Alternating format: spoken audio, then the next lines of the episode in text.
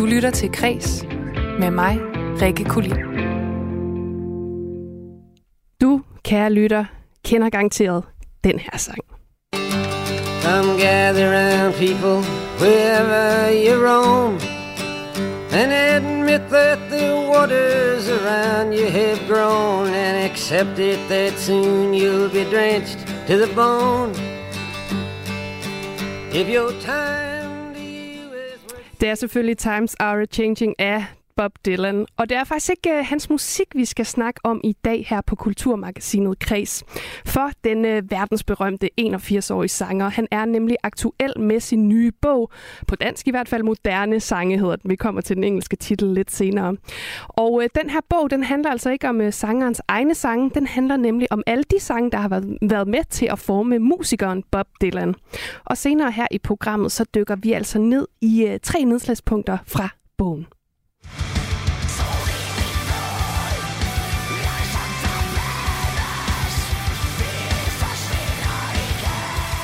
Ja, og fra øh, Bob Dylan til øh, black metal. Men øh, inden vi kommer til black metal, så har jeg lyst til at lige give dig tre danske øh, forfatternavne, som du måske kender. Sofus Clausen, Naja Marie Eid og Michael Strunge. Det er gode danske forfattere, som du måske ikke lige umiddelbart forbinder med black metal. Men ikke desto mindre, så spiller den danske litteraturhistorie faktisk en stor rolle i metallyrikken, blandt andet i det nummer, du hørte her fra Møl. Og på lørdag, der spiller de koncert på spillestedet Retter i Aarhus.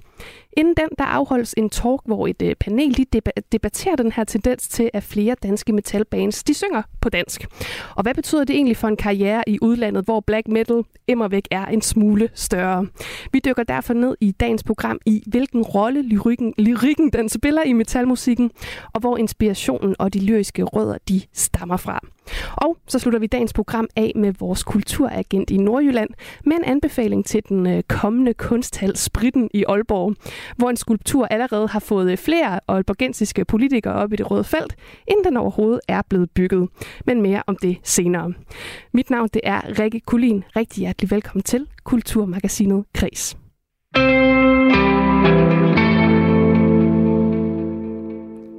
Det var en øh, valggyser uden lige, da mandatfordelingen tirsdag aften tippede, så Rød Blok fik absolut flertal, men med den mindst mulige maven. Og flere af de gamle partier, de går altså markant tilbage, mens øh, to spritnye partier, nemlig Moderaterne og Danmarksdemokraterne, de stormer ind. Men øh, her på Kreds, der stiller vi jo selvfølgelig spørgsmålet, hvilken betydning kommer det her resultat til at få for kulturlivet? Og nu kan jeg byde velkommen til øh, Lasse Marker, administrerende direktør i kulturrådgivningsvirksomheden Y Consult. Velkommen til. Ja, tak. Jeg glæder mig til at dykke ned i det her, fordi øh, vi har jo snakket med dig før om, øh, hvad skal man sige, den kommende kulturminister, hvad vi kan forvente os af den øh, kommende kulturpolitik. Nu er vi måske et skridt nærmere, fordi nu har vi jo fået nogle resultater. Er det her resultat, valgresultat, øh, godt set med, hvad skal man sige, politiske, kulturpolitiske briller? Ja, det kommer ind på, hvem man er. Øh, men altså, det der, det, der jo i hvert fald er interessant ved, øh, ved valget her, det er, at radikale, de har sagt undervejs, at de kommer ikke til at støtte en etparti socialdemokratisk regering. Hvis de holder fast i det, og nu står de jo altså med de afgørende mandater, så må vi gå ud fra, at det bliver en flerpartiregering. Og Om det så bliver en ren rød regering, eller om det bliver en regering hen over midten, sådan som Mette Frederiksen stadigvæk taler om, at hun vil afsøge muligheden for, det må vi se. Men hvis nu vi tager udgangspunkt i en, i en rød regering, så har radikale altså sagt, at de vil have ministerposter. Øh, SF de har sagt, at de vil have ministerposter. Det er usandsynligt, at det bliver en socialdemokratisk og radikal regering. Det vil være mere sandsynligt, at det så bliver SR og, og SF. Og hvis det er tilfældet, hvem øh, kunne så blive den næste øh, kulturminister i Danmark? Altså, vi har haft øh, tre år nu med en socialdemokratisk øh, kulturminister, men det er faktisk, vi skal mere end 25 år tilbage for at finde den seneste socialdemokratiske kulturminister, netop øh, Jytte Hilden, der sad i 90'erne. Ellers så har de sidste 25 år altså været øh, karakteriseret ved, at det er de andre partier, der har siddet på den post. Og der har radikale, de har tradition for at sidde på kulturministerposten, senest med øh, Marianne Hjelved. Og der kunne en stemme som øh, Senja Stampe øh, bringe sig selv i spil. SF har ikke på samme måde tradition for at sidde i det ministerie, så hvis nu det er den røde regering, så kunne Senja Stampe være et, et navn, der kunne komme i spil der. Ja, nu siger du jo godt nok Senja Stampe. Jeg husker det som om for en uge siden, da du var herinde, der sagde du, at det var meget svært at, øh, at spå om. Det er jo klart, nu har vi fået resultaterne, men, men hvordan har det rykket sig, når nu et parti som Radikal jo gået og markant til, tilbage, og så har de her syv mandater? Ja. Er det så der, man siger, jamen vi har brug for øh, de radikale til at støtte den her regering, selvfølgelig, mm. uanset hvor mange mandater de har, og derfor så er en lidt blødere post, som vi jo plejer desværre at kalde øh, kulturpolitikken, den kan så gå til en, øh, til en radikal øh, minister? Ja, det kunne meget sandsynligt være udfaldet. Og hvis nu det sker, hvad kommer der så til at ske øh, på, på øh, kulturområdet? Altså øh, helt konkret, så har vi jo set en, en udflytningsdagsorden under den socialdemokratiske regering. Den vil efter al sandsynlighed fortsætte efter øh, den nye regering er blevet sammensat. Men øh, for eksempel har der været udflytning af øh, kunstneriske uddannelsespladser, blandt andet danseuddannelsen under den øh, danske scenekunstskole er blevet udflyttet fra København til Holstebro.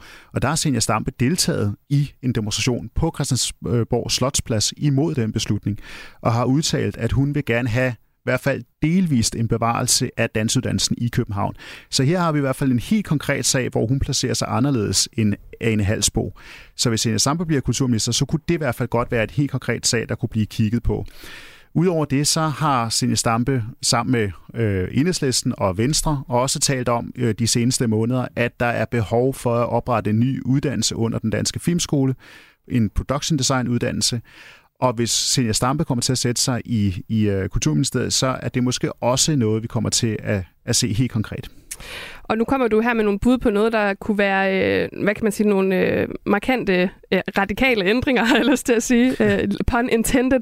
Men hvis nu Rød Blok, øh, eller lad os hellere sige Socialdemokratiet, som jo imod væk har 50 mandater, hvad skal man sige, i stedet for øh, vælger at danne den her, som der jo er blevet talt utrolig meget øh, om, den her øh, regering over midten med hvem end det nu bliver. Hvad betyder det så for kulturlivet? For det er mig væk en anden kulturpolitik, man så kigger ind i. Ja, altså det første parti, der kunne være nærliggende at kigge på, det vil så være Moderaterne. Og Moderaterne har jo fremlagt en meget ambitiøs øh, kulturpolitisk øh, plan allerede, da partiet, kort efter partiet bliver stiftet. De vil tilføre 1 milliard kroner til kulturområdet og har en række konkrete initiativer. Øh, blandt andet så vil Lars Løkke indføre obligatorisk morgensang på alle skolerne, og jeg har sunget morgensang øh, med Lars Løkke i radioen i den forbindelse. Så øh, og hvis det bliver Moderaterne, hvad så? Jamen, så har vi jo Jon Steffensen, tidligere teaterchef på Avenue T, som er kommet i Folketinget. Han sidder inde på 14 ud af 16 mandater i Moderaterne, så han får lige klemt sig med ind. Lars Lykke har sagt, at han kunne være en god, altså Jon Steffensen kunne være en god øh, kulturminister. Men Lykke har også tradition for at hive ekstern ind på ministerposter, så hvis Moderaterne får, han gjorde det blandt andet med øh, Tommy Alers øh, og Lykke Friis, øh, da han øh, var venstre statsminister. Så hvis Moderaterne kommer til at sidde i en regering, så er det ikke usandsynligt, at nogle af de ministerposter, de får, vil blive tildelt øh, øh, ja, folk udenfor, altså som ikke er valgt ind i, i Folketinget. Øhm, Joy Mogensens embedsperiode, Joy Mogensen tidligere øh, socialdemokratisk øh, kulturminister, hendes embedsperiode viste også, at selvom kulturministeriet er det mindste ministerie, så kræver det meget stor politisk tæft at kunne sidde i det ministerie. Øh, hun havde ikke erfaring fra landspolitik. og hun havde også nogle omstændigheder, der gjorde det vanskeligt for hende. Men det har måske også vist for moderaterne, som jo er en stor flok af uprøvede politikere, der nu kommer ind, at det kan også blive en, en svær opgave for en uprøvet politiker at sætte sig i det her ministerium. Men hvis vi lige sådan kigger ud over ministerposter, og så bare generelt, hvad skal man sige, kulturpolitikken i det kommende folketing, så har du jo lige fremhævet Moderaterne her, som jo øh, har talt varmt for kulturen, og blandt andet vil afsætte øh, 5 milliarder over 5 år til kulturen. Det er jo 16 mandater, de kommer ind med.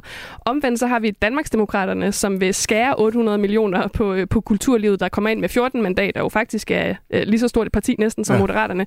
Altså, hvis vi kigger bredt uden at kigge på, hvem der går i regeringen, hvad, hvad kan vi så sige om, hvad skal man sige, kulturpolitikken i det kommende folketing? Jamen altså, Danmarksdemokraterne, det er jo rigtigt, de har foreslået besparelser på kulturområdet.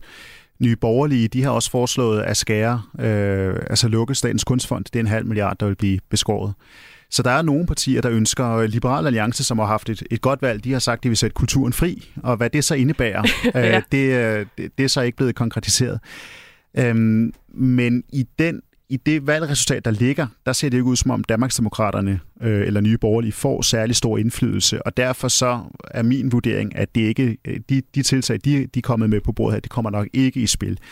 Snarere så øh, er der jo også, nu var der har været nogle billeder af Jakob Ellemann og Mette Frederiksen, der står og, og giver hånd, og Jakob Ellemann åbner. Nu vil han jo i hvert fald gerne prøve at indgå i en, øh, i en regering, efter han har tabt valget her. Ikke? Og, øh, og hvis det kommer til at ske, jamen så har Venstre og Konservative, de har sagt, at hvis de får indflydelse, så vil de have afskaffet det her kulturbidrag, der, øh, som regeringen har indført, som pålægger streamingtjenester som Netflix 6% i, i skat af deres omsætning i Danmark. Så er til omkring i rundtal 150 millioner kroner, der går til dansk film. Det vil de have fjernet. Så hvis det bliver en SV-regering med moderaterne i midten måske, jamen så bliver det her i hvert fald noget, der skal drøftes.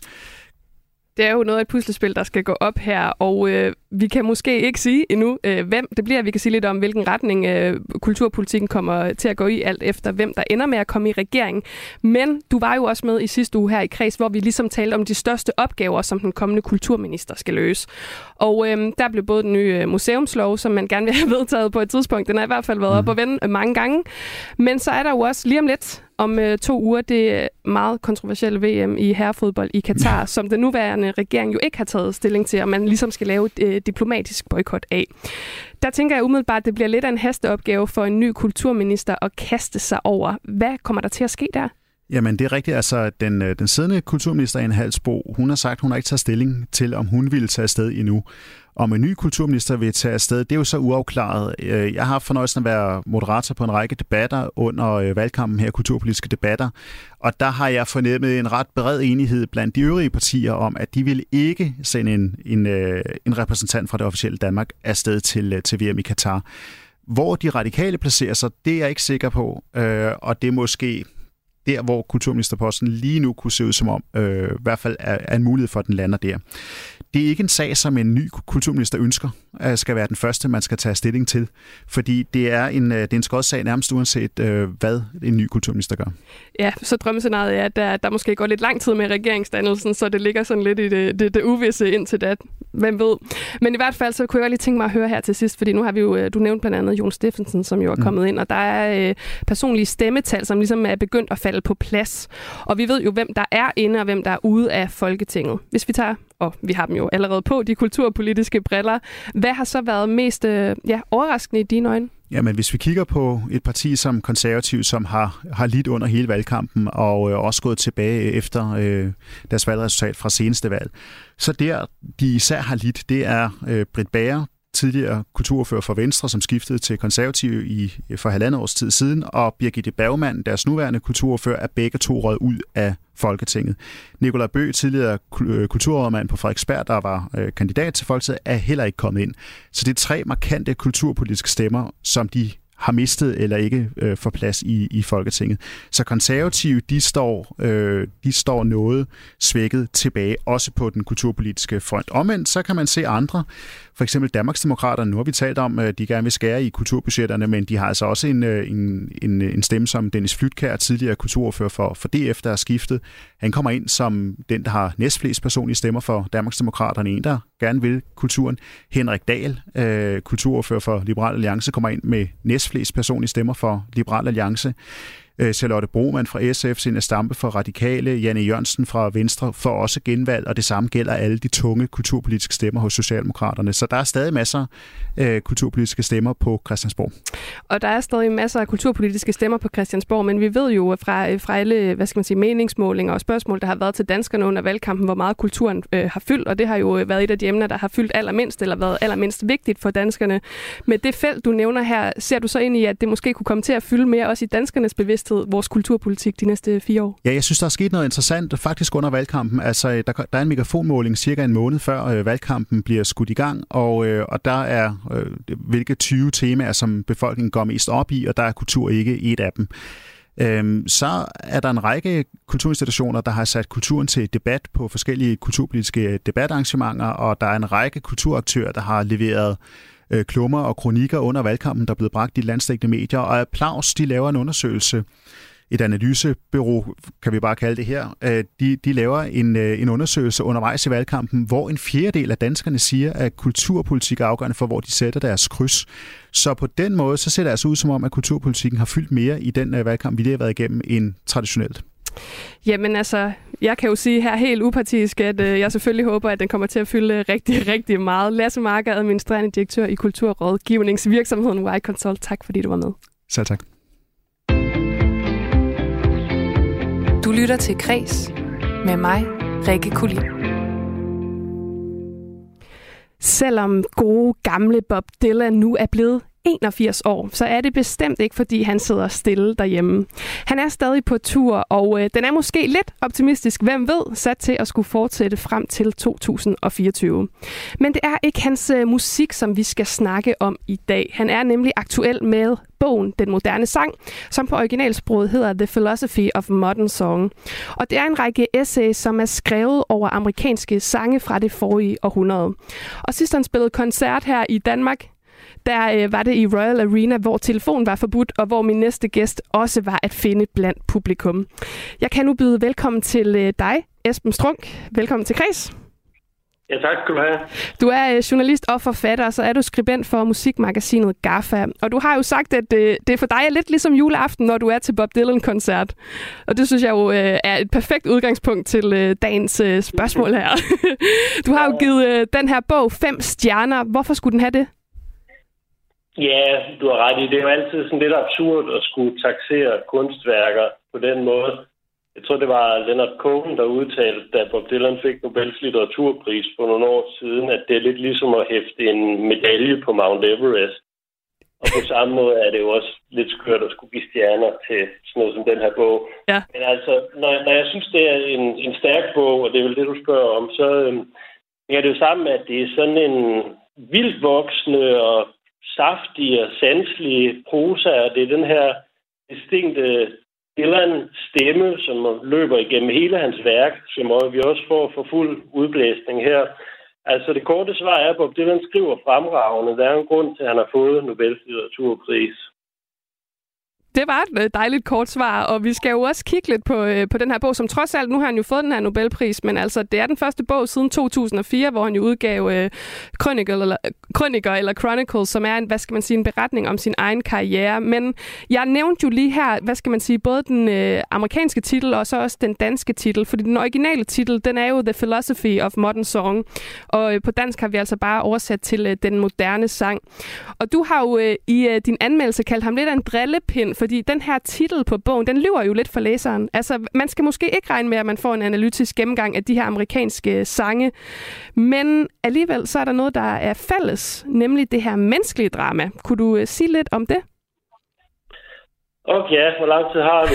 øhm, nej, men, men det er jo rigtigt, at, at det er en misvisende og drillesyg titel, og hvis man kender Dylan, er det måske ikke så overraskende, at det ikke er den her strukturerede og og analytiske øh, historiske gennemgang, men derimod det her glimrende og vildt voksende kaleidoskopiske bevidsthedsstrøm, øh, øh, som hele hans værk i en vis forstand er.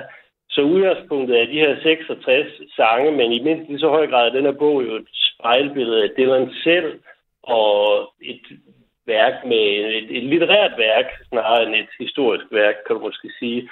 Og det er jo sådan en som sige, gennemgående ting i Bob Dylans værk, at, øh, at det historiske og det nutidige, det fiktive og det faktuelle, drømmen og virkeligheden, væver sig ind og ud af hinanden i sådan en, øh, ja, en bevidsthedsstrøm, i mangel af bedre ord.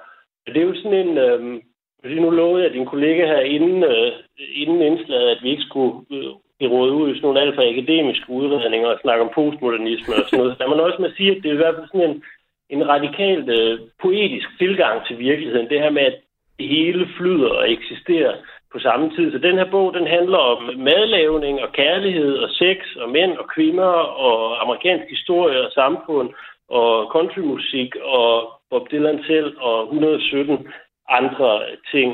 Øh, en af de sange, han sang i København, nu nævnte vi lige koncerten, øh, som var en koncert, hvor han fortrinsvis sang nye sange, hvilket også siger noget om det her med at være en kunstner, der stadig er i, i bevægelse og, og nede i virkeligheden på en eller anden måde. I en af de her nye sange, der siger han noget med, at everything's flowing all at the same time. Og det er virkelig sådan en form for, kunne være en form for overskrift på det her, øh, det her vilde værk, som stadig folder sig ud, og nu altså har fundet udtryk i en bog. Og øh, du starter jo med at kalde det en øh, radikal poetisk øh, øh, tilgang til, til tingene, og det skal vi jo faktisk også dykke lidt ned i nu, fordi vi har jo givet dig nogle lektier for. Jeg ved godt, det kan man også øh, fornemme på dig, tror jeg, som lytter. Det var jo en svær opgave, men du øh, har skulle finde tre nedslagspunkter i, i bogen, hvor, øh, hvor det virkelig sådan, hvad skal man sige, øh, ja, den her radikale poetiske tilgang, den ligesom skinner igennem. Og vi starter med det første eksempel, som øh, jeg lige vil spille lidt fra her. Det er fra øh, en sang, de fleste nok også godt kender herhjemme, nemlig Willie Nelsons On the Road Again.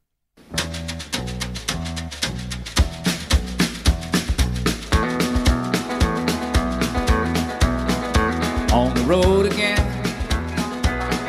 Just can't wait to get on the road again. The life I love is making music with my friends. And I can't wait to get on the road again. Ja, øh, Esben Strunk, det er jo en, øh, en sang, der sådan direkte i hvert fald øh, på, i forhold til, til lyrikken handler om at være på øh, landevejen og turnere. Men hvordan kan sådan et essay om det være interessant og aktuelt for øh, du og jeg, som øh, jeg øh, turnerer i hvert fald ikke øh, særlig meget? det var da et glimrende spørgsmål. Øhm, ja, altså til det, du sagde før, altså når jeg synes, det er en, en rigtig svær opgave, det her, så er det jo fordi, at øh, sige, Dylan er et klasseeksempel på det her med, at, øh, at stor kunst og poesi specifikt jo ikke skal dissekeres og udlægges, men slet og ret tages ind og opleves. Og derfor bliver det nemt Øh, det er frygtelig prætentiøst, når man så alligevel skal sidde og kloge i Dylan, hvad der er rigtig mange, der har gjort gennem årene. Jeg har valgt det her, det her lille tekst om On the Road Again, fordi det er en af de mere let tilgængelige, hvor han skriver om, ja, livet på landevejen. Han starter med at skrive, at Will Nelson sang her, det er en, en moderne udgave af Jack Kerouacs Vejene, og det er jo, er jo jeg også med til at sætte en scene for, hvor Dylan selv placerer sig i den amerikanske litteraturhistorie. Men så er det også det med, at Dylan selv jo har tilbragt rigtig meget i sit liv uh, on the road, og det var også en, en point, jeg så jeg nævnte kort før, det her med, at den her bog uh, mere end at være en musikhistorie, jo lige så meget et spejlbillede af Dylan selv. Og det er det her lille essay jo et godt eksempel på, hvor han skriver om, ja, uh, livet som turnerende musiker, og det her On the Road Again, det var et positiv sang, der hylder livet på landevejen, men som Dylan skriver, kunne man lige så godt have skrevet en sang om, hvilket mareridt det er med ødelagte ventilatorer og en antibiotikaresistent omgang syfilis, der breder sig gennem mandskabet efter et job i New Mexico, tvivlsomme mikroovnsburritos osv. osv.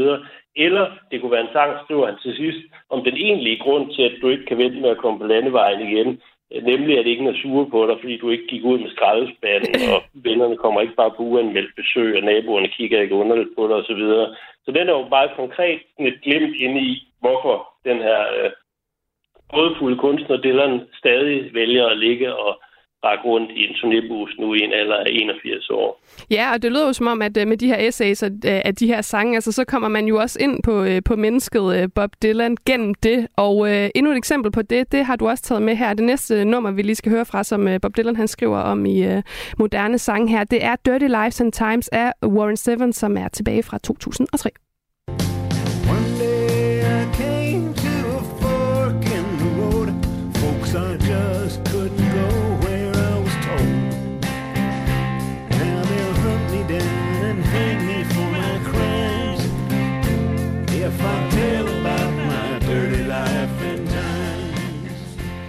Ja, og Bob Dylan har så også skrevet et essay om øh, den her sang, og det essay det handler om en øh, mands øh, kamp mod lungekræft, og øh, det er jo, man kan sige kræft øh, generelt, men måske også lungekræft, er jo noget, øh, nogle af os, øh, de fleste af os på en eller anden måde har, øh, har stiftet bekendtskab med, øh, og, øh, eller i hvert fald kommer til at møde på et tidspunkt. Hvad er det for et essay, han bevæger sig ud i her? Ja, Warren Zevon, han var en fantastisk og også en lidt undervurderet sangskriver, som jeg ikke tror er så kendt i en bred offentlighed, men som, som forskellige store sangskriver, blandt andet Dylan og Springsteen, øh, havde stor bedus til.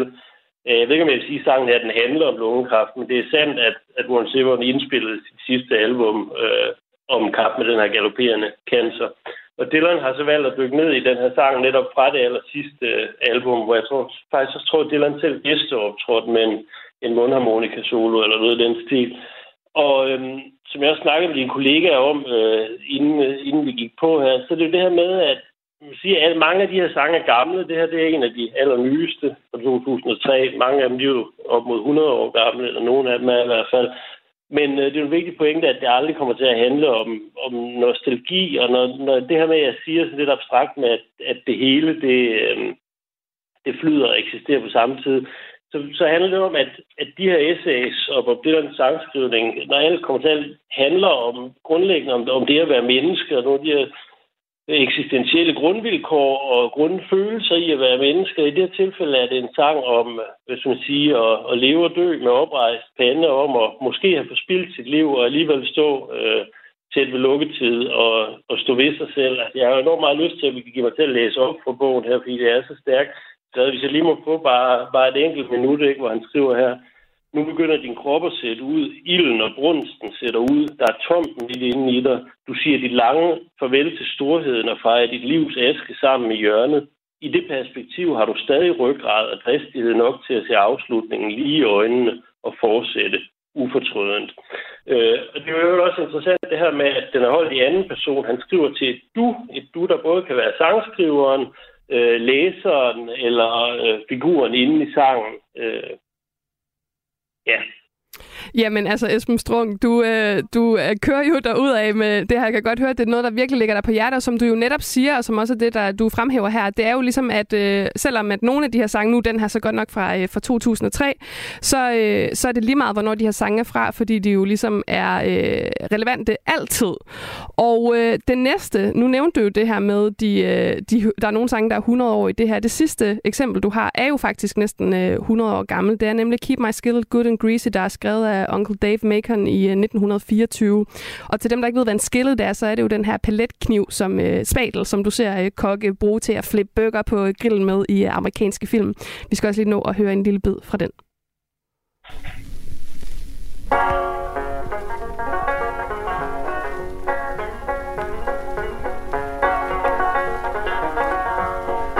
I'd me a sack of flour. Grind, cook it every hour. Keep my skillet good and easy on the og Esben Strung, nu har du jo lige snakket om, hvad skal man sige, liv og død og øh, lungekræft, altså nogle virkelig store emner. Det her, det er jo en sang om at lave mad. Hvordan kan det være interessant at skrive det essay om? ja, det vil jeg vil sige, når jeg har valgt det essay, så vil jeg sådan et meget godt eksempel på, hvor langt det her det er fra at være en bog, der er sådan en, en systematisk gennemgang af forskellige gamle sange. Illustrationen til det her essay, jeg sidder med bogen foran mig, det er sådan en pork chart, sådan et, et gammel illustration af forskellige udskæringer af grisekød. Og teksten, ja, hvis jeg bare lige igen må tage nogle få linjer, lyder sådan her. Oolong John Silver har slanger i støvlerne, lykkekager og donuts med glasur, og du drikker iskaffe, spiser tørret oksekød og piknikskinke, sluger hele mundfuld af cremetærte og roulade som en anden dessertkok, har fat i hele fødekæden og vil stege den over åben ild, grille den perfekt. Du er kokken ved en rødglødende grillplan hver eneste øjeblik på dagen, hvert det eneste tidspunkt. Så ja, hvordan handler det om liv og død? Igen, jeg går ikke ind for at gå ind og analysere det her alt for meget. Først og fremmest det er jo en i den eksklusivt veloplagt prosa, der bare skal nydes. Men øh, vil man alligevel øh, være lidt firkantet analytisk, ja, så er det måske en sang om, øh, og et essay om appetit på livet. Her eksemplificeret ved den her øh, maniske grillkok, der æder alt på sin vej, ikke? Ja, og på den måde, så kan man altså få øh, også, ja, det, hvad skal man sige, en sang, der jo på overfladen handler om øh, mad, til at også handle om de større spørgsmål i livet. Esben Strung, journalist og forfatter, altså musikskribent på GAFA. Tusind tak, fordi du var med. Ja, selv tak. Og det var altså i anledning af Bob Dylans essaybog Den Moderne Sang, så hvor vi altså fik nogle nedslag i de sange, som øh, Dylan han behandler.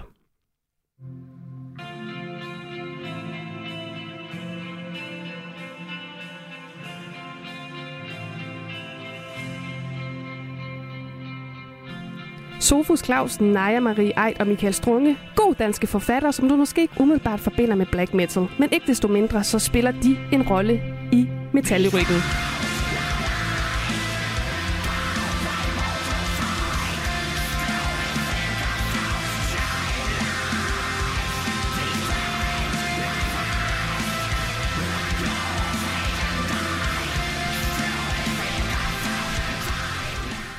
Og øh, det skal vi altså se øh, øh, nærmere på, blandt andet her i øh, Kulturmagasinet Kreds nu. Fordi black metal, det er jo uden tvivl en øh, niche-genre, øh, hvor man i hvert fald skal til udlandet for at skaffe det helt store publikum. Men alligevel så øh, synger flere og flere metalbands på dansk. Og øh, den tendens, den undersøger en talk på øh, lørdag på spillestedet Retter i Aarhus forud for koncerten med det danske band Møl, som du også lyttede til lige her. Og vi synes her på redaktionen, at det er interessant at se på, hvilken rolle lyrikken den spiller, og øh, hvor inspirationen og de her lyriske rødder kommer fra i samtidens danske metalmusik. Og øh, nu kan jeg først og fremmest byde velkommen til vokalist og øh, sangskriver i metalbandet Møl, Kim Song Sternkopf. Velkommen til Kreds. Jamen, uh, tusind tak. Kim, det er jo uh, dejligt at uh, have dig med i at udgave jeres debutplade Jord tilbage i 2018, og uh, sidste år det anmelderroste album Diorama, som jo blandt andet er udnævnt til at være blandt de 50 bedste albums udgivet i uh, 2021 af The Guardian. Og i dag, der dykker vi jo ned både i lyrikken og dens rødder og inspirationer i, uh, i metalmusikken, men lad mig lige starte uh, her med, med sprog, fordi du synger jo ja. både på dansk og engelsk. Hvordan kan det være? Man kan godt sige, at vi har lavet en nephew, ikke? en metal-nephew. Ja, øh, men øh, jeg, jeg tror, øh, det er meget lidt skægt, det der med, fordi til at starte med var jeg faktisk ikke sådan super øh, hooked på at, at skrive på dansk, men jeg har bare fundet ud af, at det, øh, det er, der er måske noget omkring det der med, at det kunne være øh, både... Øh, jeg, jeg tror, det handler om, at at kunne fange nogle nuancer øh, og være øh, sådan øh, on stage, off stage på en eller anden måde. Øh, vi, vi appellerer jo selvfølgelig til et, et øh, internationalt publikum, men der er noget omkring det der med at kunne beholde ting, som er så tæt på mig, ligesom et modersmål. Øh, øh meget øh, altså ærligt Øh, og det tror jeg, at jeg har fundet i det danske sprog. Det er netop at finde den der øh, autenticitet, hvor jeg leverer noget ganske skrøbeligt. Og når jeg står øh, på en, øh, en scene i Tyskland eller andre steder i Europa, mm, så, øh, så har jeg en maske på. Øh, eller det vil sige, for dem har jeg en maske på, fordi sproget bliver en maske. Øh, men for mig, der er jeg nøgen, når jeg står der. Øh, det bliver omvendt, når jeg så står øh, i Danmark, fordi så bliver det lige pludselig øh, meget sårbart. Øh, men jeg tror, det er den der vekselvirkning mellem at kunne øh, skifte masker øh, og gå sådan lidt øh, øh, goffmansk øh, on-stage, off, off-stage. Ja. Øh, Ja, lige præcis. Og øhm, vi, vi skal jo kigge lidt på den her øh, tendens til at øh, synge lidt mere på dansk, også sammen med forskere i black metal ved øh, Institut for Kunst og Kulturvidenskab på Københavns Universitet. Tore Tvarnø Lind, velkommen til Kreds. Tak skal du have. Og øh, jamen, jeg kan jo spørge dig som forsker i black metal, hvor stor er tendensen til, at metalbands de synger på dansk? Jamen, den er rigtig stor. Øhm, det danske sprog har øh, fundet ind i metalscenen herhjemme. Øh, du kan bare se på navnet Møl, på bandet Afsky, på Solbrud, på Orm. Øh, Orm.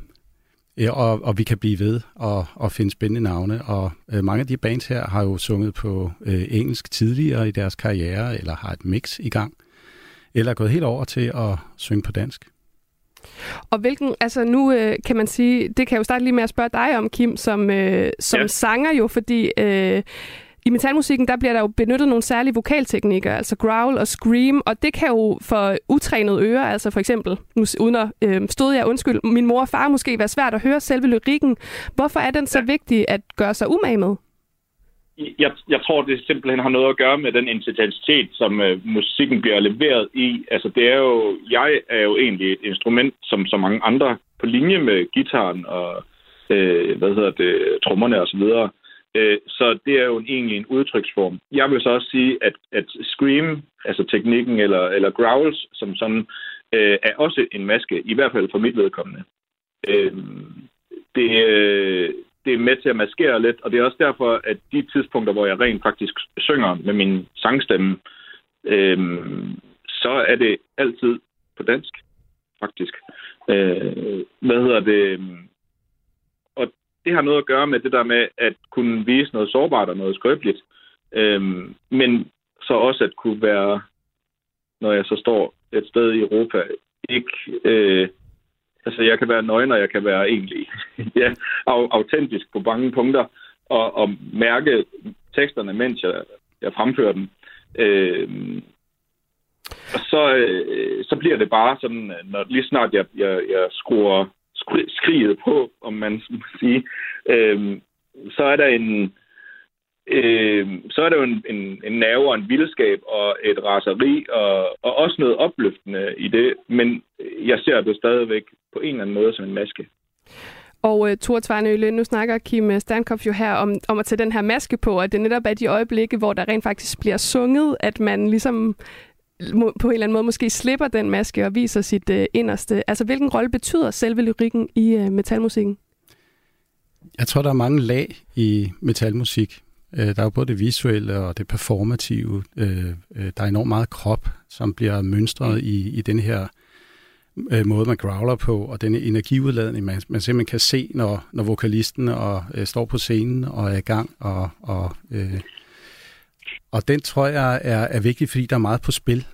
Øh, yeah. Så det er på en eller anden måde for at få... Øh, og på en eller anden måde for at få, få, øh, få, få skabt en, en, en, en krop, der hvor, hvor, man kan, hvor man kan være med det, være med de stærke følelser. Der bliver nævnt raseri her, det er vrede, det kan være mm. tab, det kan være oplevelser af, af svigt og, og andre øh, ja. mørke, relativt almene øh, fænomener, men som er meget, øh, øh, som er meget personlige. Øh, og så får man det her med, med, med growling og med de her helt ekstreme lydniveau, der er i, i denne her musik jo, skabt, synes jeg, en meget, øh, en meget flot øh, øh, kontrast eller spænding, eller hvad man skal sige. Ikke? Og jeg ved også for dig, Kim Sternkopf, det her med at skrive dine tekster. Altså, vi skal jo snakke lige om lidt, og hvad skal man sige, om måske øh, litterære inspirationer. Vi skal kigge på litteraturhistoriens betydning. Men jeg ved jo også, altså nu nævner øh, øh, Tore jo her øh, hvad skal man sige, alle de her øh, følelser og erfaringer, man har, og tematikker, der ligesom bliver inspireret fra egne erfaringer. Og jeg ved jo også, at dit udgangspunkt ikke nødvendigvis er ja, litteraturen og historiens betydning, men, men hvor, hvor, ligger, altså, hvor får du inspirationen fra, når du skal i gang med at skrive et nummer? Er det gennem de her egne erfaringer? Jamen, det, det tror jeg egentlig. Altså, jeg, jeg tror aldrig, jeg har haft det sådan, at jeg synes, det har været nemt nødvendigvis at skrive ud fra et, et emne, et topic. Øh, det kan godt være, at, at det former sig undervejs, når jeg så sidder og skriver en pressemeddelelse, så kan det godt være, at der kommer en, øh, et, et forkromet overblik. Men udgangspunktet er, at jeg skal have levet det liv, jeg synger om. Øh, og der, og det, det jeg tror også, det afspejler sig lidt i, i den der rå, øh, punkede tilgang, tror jeg, jeg har haft til både at bruge sproget på, øh, hvad hedder det, jeg kan huske til at starte med, der var jeg faktisk sådan lidt, øh, ej, det, jeg vil ikke det der danske noget der, fordi så kommer vi bare til at lyde som magtens korridor eller sådan noget. Mm. Øh, men, men, men jeg fandt ud af, at når vi snakker om sådan noget high-pitch skrig, så øh, får det en anden kant, øh, og det bliver lydflader. Men når det så er sagt, så vil jeg også sige, så er der jo en masse tydelighed egentlig. Jeg gør rigtig meget ud af at gøre mig forståelig så vidt muligt. Øhm, hvad hedder det? Og øh, mine inspirationer kommer jo egentlig, øh, jeg tror, nu, nu da vi snakkede omkring det der med skønlitterært, altså, det er fra levet liv, så der er meget en socialrealistisk tilgang, tror jeg, jeg har til det. Øh, hvad hedder det? Jeg ved, at Naja Mirai Eid øh, for eksempel har haft en stor indflydelse på i hvert fald hendes brug af sprog. Øh, hvad hedder det? Jeg tror, de fleste folkeskoleelever har læst vandmærket til ukendelighed. Jeg har gjort det ekstra meget, også senere hen. Øhm, men altså, jeg har levet et egentlig... Jeg, jeg tror, jeg har levet... Jo, jeg har levet... Jeg kommer fra en ret udsat familie, og, og der har været rigtig mange ting, jeg skulle øh, tage et opgør med i mit voksenliv. Øh, og der har øh, diorama for eksempel været den børnetegning, jeg kunne bruge i samtalen med mine forældre. Øhm, og et af de numre, ja. der er på, øh, på diorama, det er jo Vesti, som øh, er ja. en tekst, hvor at, øh, jeg synes bestemt, man godt kan se aftrykket fra øh, Nej Maria Eid. Jeg ved også, at øh, Michael Strunge har øh, haft en lidt indflydelse på den her tekst. Jeg synes lige, vi skal høre, øh, hvad skal man sige, øh, lidt af teksten fra, øh, fra sangen. kommer her.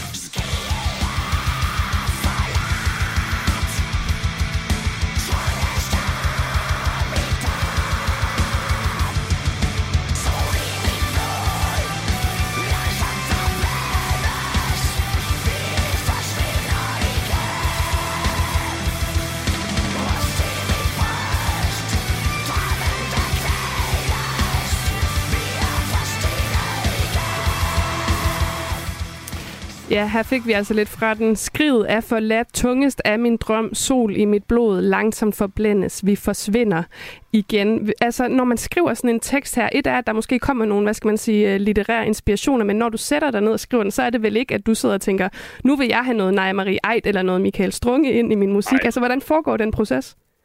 Øh, altså, jeg vil så sige, at den her tekst her var faktisk en, jeg skrev, øh, mens jeg, altså, det kom til som sådan klar lys på en himmel. Nogle gange, så, så, så rammer det jo bare. Ja. Jeg sad med vores hovedsangskriver Nikolaj og med Ken øh, og havde sådan en skrivestation og, og havde lyttet nogle demoer igennem, og så sad jeg bare, og de, de kiggede på mig og var sådan, hvad, hvad, sker, hvad sker der? Og så var jeg bare sådan, jeg skal, jeg skal skrive det her ned lige, lige nu. Øh, hvad hedder det? Og så kan jeg huske, at jeg kiggede på det og var sådan lidt, ej, giver det ikke lidt Lars Lillehold, øh, hvad hedder det? Fordi, øhm, ja, der er jo lidt det der med, øh, ja, eller sådan, altså det er igen, når man bruger værfænomener i, i tekster, det er så almengyldigt. Øhm, men den her tekst er jo egentlig et sansebillede. Og det er noget af det, som jeg egentlig har været draget rigtig meget af, særligt også strunge, fordi øh, for eksempel livets hastighed, øh, hvad hedder det, og, og mange af hans andre digte er bare så formet af øh, mange sansindtryk, øh, som, som simpelthen øh, står allerførst, og så kan du vælge at tolke på det, som du vil. Øh, hvad hedder det? Der er, øh, der er både smerte og død og ødelæggelse, og der er også lys, og der er forening øh, i, i den her tekst. Øh, hvor end du, øh, du vælger at lægge dit tryk, så tror jeg, at du kan finde noget øh, for dig i den.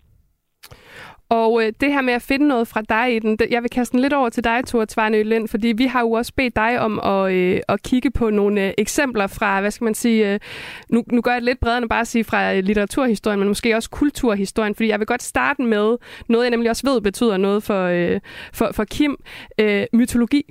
Og øh, det er jo øh, bandet Orm, som vi også fik nævnt tidligere på øh, nummeret Klippens Lyse Hal, som øh, du har taget udgangspunkt i, hvor, øh, hvor de ligesom øh, har øh, inspiration fra den nordiske mytologi. Men lad os lige starte med at øh, høre det, en lille bid fra øh, Klippens Lyse Hal.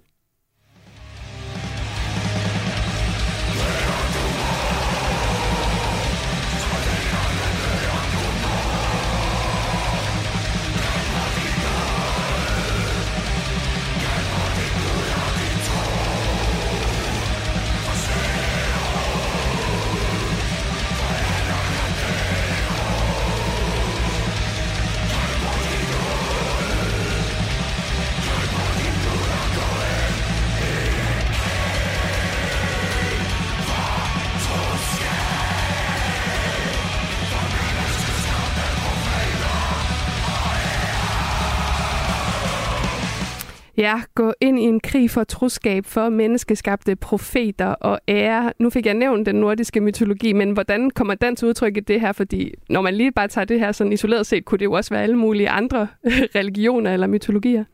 Ja, altså lige her er det jo øh, en, en, øh, en vred øh, stemme, der taler og, og spotter øh, religion, eller er, øh, øh, er uforstående over for... Øh, for det aspekt, af, at, at, at man giver sig hen i en eller anden religion, folder hænderne og læner sig tilbage og, øh, og, og dør som en stemme eller en position i denne her øh, sang på en eller anden måde ikke forstår og er vred på. Øh, og det, der er på spil i den her tekst, er, er jo et, øh, eller bag teksten, skulle jeg måske snarere sige, ikke? Mm. En, et øh, nært familiemedlem, der har øh, taget sit eget liv.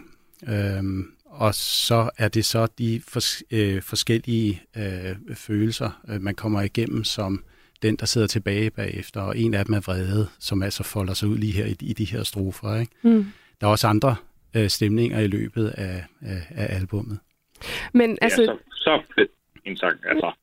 Ja, du får sagt, det er så fed en sang. Ja. Ja. ja, og jeg ved jo også godt, altså for dig, Kim, uh, Kim Sternkopf, at uh, mytologi og alt det, der, uh, hvad skal man sige, altså mytologi i sig selv kan jo handle om uh, mange ting, men som det bliver konkret uh, meget her, så er det, det er vreden, der får lov til at fylde det her og, og folde sig ud.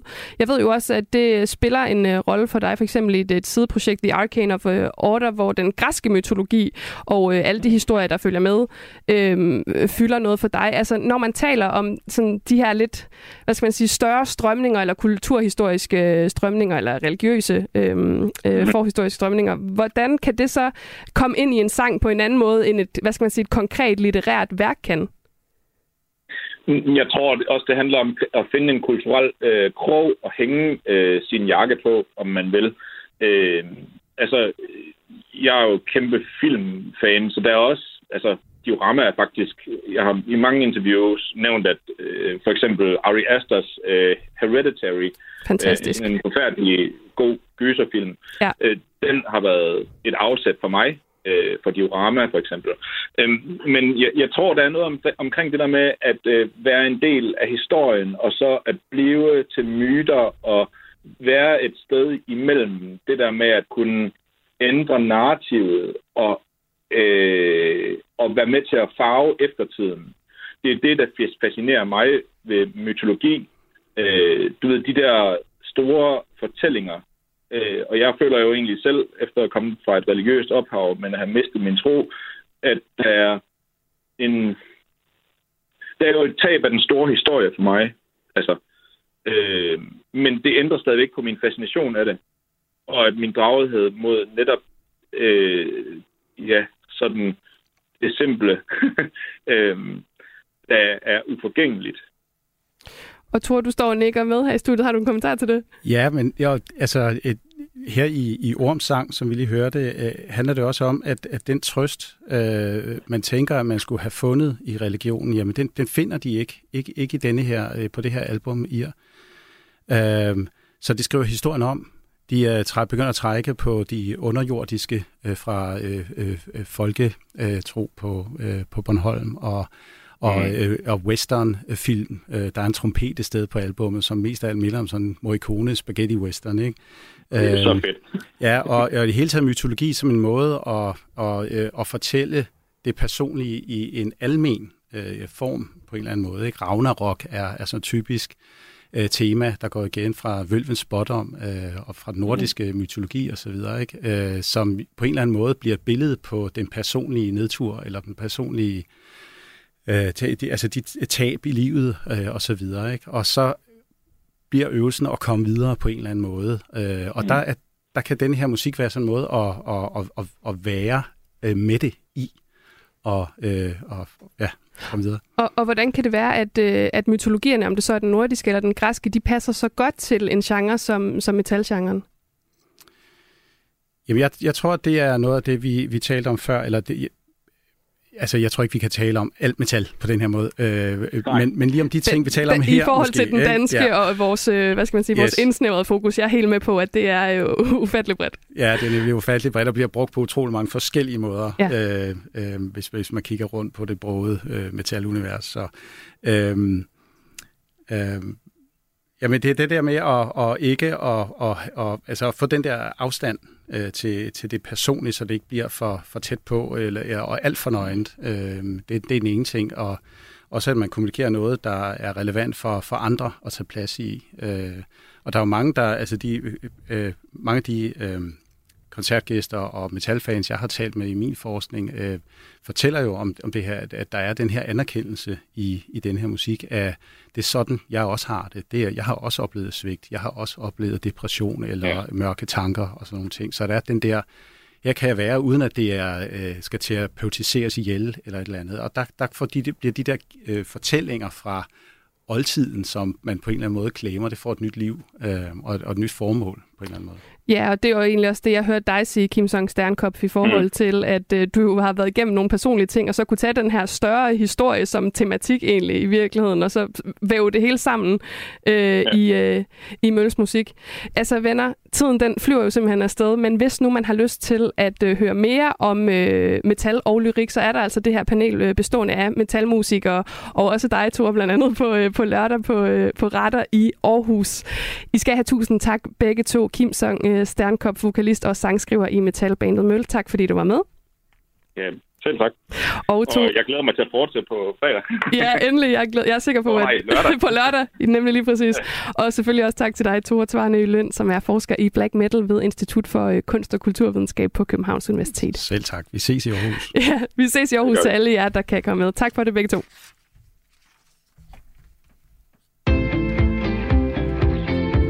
Du lytter til Kres med mig, Rikke Kulin.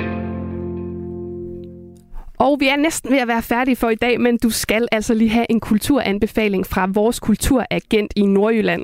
Det skal handle om den kommende kunsthal Spritten i Aalborg, som allerede har fået aalborgenserne til debatspalterne, fordi der kommer et værk øh, foran hallen, 35 meter højt, der hedder Cloud City, og øh, det skulle egentlig bestå af glas, men en stor del af den kommer til at blive bygget i let beton. Så det er der jo selvfølgelig en masse drama øh, om i Aalborg, hvor øh, den her øh, sprit, øh, øh kunsthal Spritten kommer til at ligge. Men det er ikke noget, der betyder noget for øh, ugens kulturagent Vita Andersen, som kommer fra Nordjylland, fordi hendes øh, anbefaling det er at tage en tur rundt i den øh, dejlige kunsthal, som øh, altså øh, ligger i Aalborg. Og det åbner i den gamle spritfabrik i Aalborg. Og det, som jeg blandt andet synes er så spændende ved stedet, det er jo, at udover at det bliver et fantastisk sted med ny digital kunst fra hele verden, så bliver det også et sted, hvor man gerne vil åbne dørene op for så mange mennesker som, som overhovedet muligt. Øh, der bliver en kaffebar, og der bliver et loungeområde, der bliver en eventsal, som øh, man vil lege ud for eksempel til fester. Vita Andersen, du er kulturagent i, i Nordjylland og anbefaler altså spritten, hvor øh, inden at den her kunsthal den åbner, så kan man få en omvisning på det her nye sted. Hvad er det øh, helt bestemt, at, at den her øh, spritten skal være for et sted? Altså er det et museum, eller hvad skal det kunne? Det er en kunsthal. Øh, så det er, det er netop ikke et museum. Det er et sted, hvor der kommer til at være mange skiftende udstillinger, og det kommer primært til at være digital kunst, altså nye øh, installationskunst, ting og videoer. Øhm, og det er sådan, at de her kæmpe haller, som det bliver, de kan mørklægges. Øhm, og det bliver også sådan et sted, som bliver en lille smule, sådan, ja, det bliver jo råt, fordi at det er gamle industribygninger, som er totalt fredet. Altså, eller det er i hvert fald meget, meget lidt, man må have lov til at gøre ved det. Øhm, ja, hvad er det for nogle bygninger? Kedelhal. Ja, det er den gamle spritfabrik i Aalborg. Det er deres bygninger, øhm, som er en af de mest, altså, mest sådan gennemfredede øh, industrianlæg i Danmark. Øhm, og, øhm, og der er man gået sammen om at, at skaffe nogle penge. Øh, rigtig, rigtig mange penge. Det er nu med 250 millioner fra, øh, fra Fonden Realdania og det Obelske Familiefond og Aalborg Kommune. Og Aalborg Kommune er endda gået ind og har sagt, at de vil også gerne give et årligt driftstilskud. Øhm, så det er nogle meget, meget store øh, bygninger, når man går rundt inde i dem. Og faktisk så er det sådan, at et, et af områderne bliver fem etager højt, og der vil være nogle, øh, altså nogle afsatser, man kan gå rundt på, og der vil være nogle øh, gangbroer, man kan gå øh, og kigge ud over fjorden. Og når man så kigger ud over fjorden, så er det også vigtigt at sige, at der kommer der et kæmpestort kunstværk af en Thomas Sarsene, øh, som består af sådan nogle kuber. Og dem vil der være rigtig mange af, og de vil selvfølgelig være godt og bestand, øh, hvad det, bestandige nede i bunden, og så bliver det lettere og lettere opad.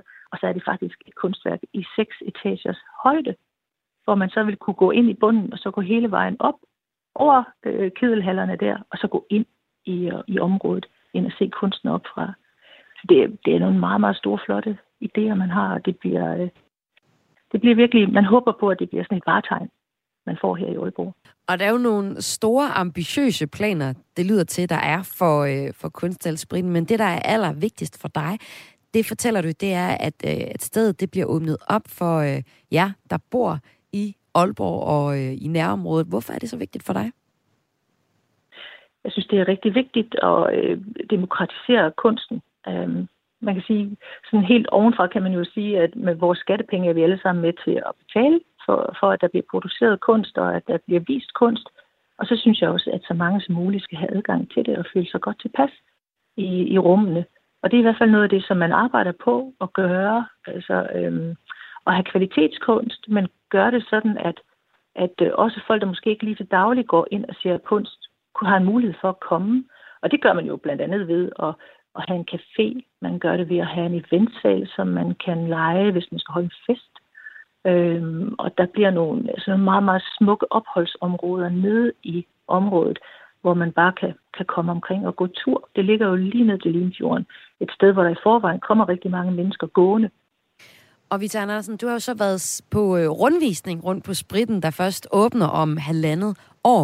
Hvem vil du anbefale en øh, rundvisning på Kunsthal Spritten til? Det tror jeg, vil gøre til, øh, til alle Aalborgensere og til folk i det hele taget, som er interesseret i kunst. Det er jo et, det bliver en stor ting, vi har til at ligge her om halvandet år i Aalborg, som folk vil komme rejsende til fra hele verden. Det var altså vores kulturagent i Nordjylland, Vita Andersen, der havde talt med min kollega Maja Hall om den kommende kunsthalspritten i Aalborg. Kulturmagasinet Kreds er slut for i dag, men øh, efter et nyhedsoverblik lige om lidt, så sender eftermiddagsprogrammet Mission med Amalie Bremer og Tony Scott. Missionen er i dag at komme godt i gang med udgangspunkt i de nye 64 folketingsmedlemmer. Det er lige om lidt, men først er her et nyhedsoverblik.